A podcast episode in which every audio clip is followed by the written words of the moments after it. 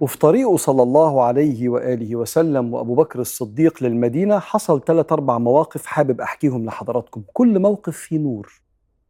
لو بصيت على المعنى والحكمة اللي وراه هتاخد منه مشهد في حياتك هتحتاجه. موقف الأولاني مرور النبي عليه الصلاة والسلام على أحد الأعراب الفقراء رعاة الغنم اللي عنده أغنام هزيلة جدا في وسط الصحراء. كتير كان ما تمطرش الدنيا عليهم فما يبقاش فيه زرع فممكن تعدي عليه تلاقي عنده أغنام رفيعة جدا جدا جلد على عظم زي ما بيقول فنزل عنده النبي هو وسيدنا أبو بكر فقال له رسول الله هل عندك من شاة نحلبها؟ قال لا والله. كله فاضي كله مش لاقي ياكل. إحنا في وقت صعب جدا. فقال صلى الله عليه وسلم هل أتيتني ببعض عناقك؟ العناق يعني المعزة الصغيرة. فأخذها فاحتضنها النبي صلى الله عليه وسلم ومسح على الضرع حتى امتلأ. فلما امتلأ حلبه النبي صلى الله عليه وسلم اسمع فسقى أبو بكر ثم سقى الراعي ثم شرب النبي صلى الله عليه وسلم. فقال الراعي من أنت؟ فوالله لا تخفي علي أمرك. اللي أنا شفته ده محدش من البشر بيعمله. قال أنت الصابئ الذي تقول عنه قريش. الصابئ يعني اللي غير دينه. فقال أنا رسول الله صلى الله عليه وسلم. فقال أشهد أنك رسول الله. أريد أن أتبعك. ممكن أمشي معاكم؟ قال لا. إنك أضعف من ذلك. فإن رأيتني ظهرت في المدينة فاتبعنا. ما تجيش. ما تقدرش تستحمل الوضع دلوقتي. أنت لسه مسلم جديد وعلى قد حالك وإحنا بنواجه أزمة كبيرة. استنى لما نستقر وتعال. وكان صادقا امينا معه عليه الصلاة والسلام. أما الموقف الثاني موقف سراقة. ابن مالك. لما قريش قالت مئة ناقة لكل واحد يجيب أبو بكر أو سيدنا النبي عليه الصلاة والسلام وهو قاعد كده في مكة لا واحد بيقول أنا شفت اتنين ماشيين بالجمال. قالوا لا ده مش محمد ولا أبو بكر دول ناس أنا بعتهم في مشوار. قال وخبأتها في نفسي. شوية قعدت ساعة كده في المجلس وقمت طلعت أجري على بيتي أمرت الجارية تجهز الحصان بتاعي وهو ما كانش باعت حد هو عارف إن ده النبي عليه الصلاة والسلام وأبو بكر الصديق متوقع كده. وقام واخد وكان فارس مغوار خد الحصان بتاعه والكنانة اللي فيها الأسهم وطلع يجري. كل ما يقترب من سيدنا النبي عليه الصلاة والسلام تسوخ يعني تغرق قدم الفرس بتاعه. ومش متعود على كده هو عارف يمشي فين في الرمال وهو فارس كبير. فقال فأخرجت الأزلام الأزلام زي حجارة كده زي الملك والكتابة بيعملوها كأنه بيستخير الآلهة. فخرجت الأزلام على غير ما أريد. الأزلام بتقول له ارجع. قال فعصيت الأزلام وقمت جاري وراهم. حتى اقتربت منهم. أسمع محمدا يقرأ القرآن لا يلتفت. وأبو بكر يلتفت حوله. ورسول الله ساكن يقرأ القرآن. حتى ساخت قدم الفرس. فأخرجت الأزلام فكأنه استخار يعني. فخرجت الأزلام بما أكره. يعني ارجع. فعصيت الأزلام واقتربت منهم. فلما اقتربت عرفت أنه ممنوع. في حد بيحفظه كل شوية يقع. فقلت يا محمد أعرض عليك الأمان. ثم عرضت عليه بعض الطعام وبعض الشراب. قال لا حاجة لي في طعامك ولا شرابك ولكن عمي علينا. يعني ارجع وما تجيبش سيرة إن أنت شفتنا. وفي بعض الروايات قال له سراقة بن مالك طب اكتب لي أي عطاء عايز أي فلوس منك. فطلب من عبد الله بن أريقط اللي هو الدليل بتاعهم إنه يكتب له عطاء قال له لما نوصل المدينة هنبعته لك. وفي بعض الروايات قال له لك عندي سواري كسرى. كسرى ده ملك الفرس اللي بيحكم نص العالم.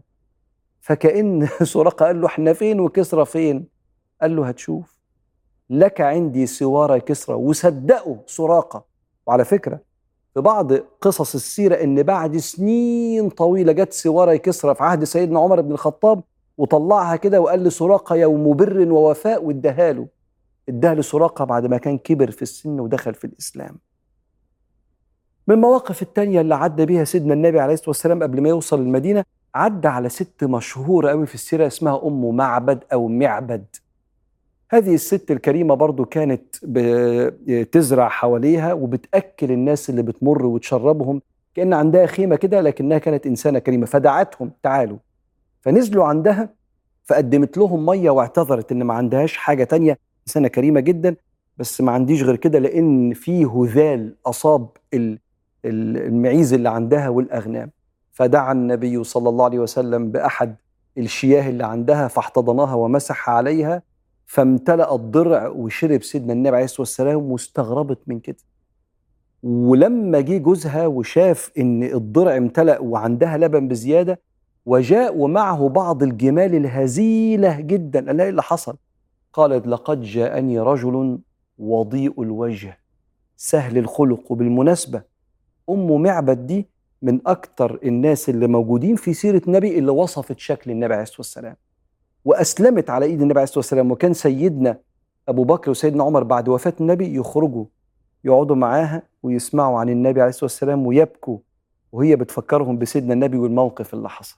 ويسيب صلى الله عليه وسلم هو أبو بكر الصديق أم معبد ويتجهوا للمدينة وتكمل المواقف قبل دخول المدينة.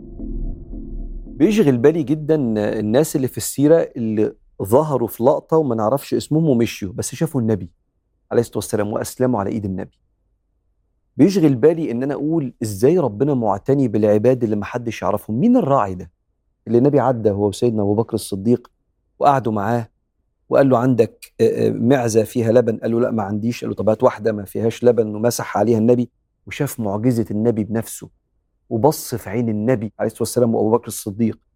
بس خد بالك إن الراعي ده احترم النعمة دي وأسلم في لحظتها. على إيد سيدنا رسول الله عليه الصلاة والسلام لما شاف التأييد الرباني بالمعجزة. بس أنت واخد بالك ربنا معتني بالعباد اللي الناس تعرفهم واللي الناس ما تعرفهمش. واحد مننا يقول يمكن كانت نيته حلوة فربنا أكرمه واحد تاني يقول مش بالنية. ده هو بكرم ربنا. نية إيه؟ حتى الصالحين لما حد يقول له ربنا يديك على قد نيتك يقول له لا. ربنا يديني على قد كرمه مش على قد نيتي. أنا مش دايما نيتي كويسة.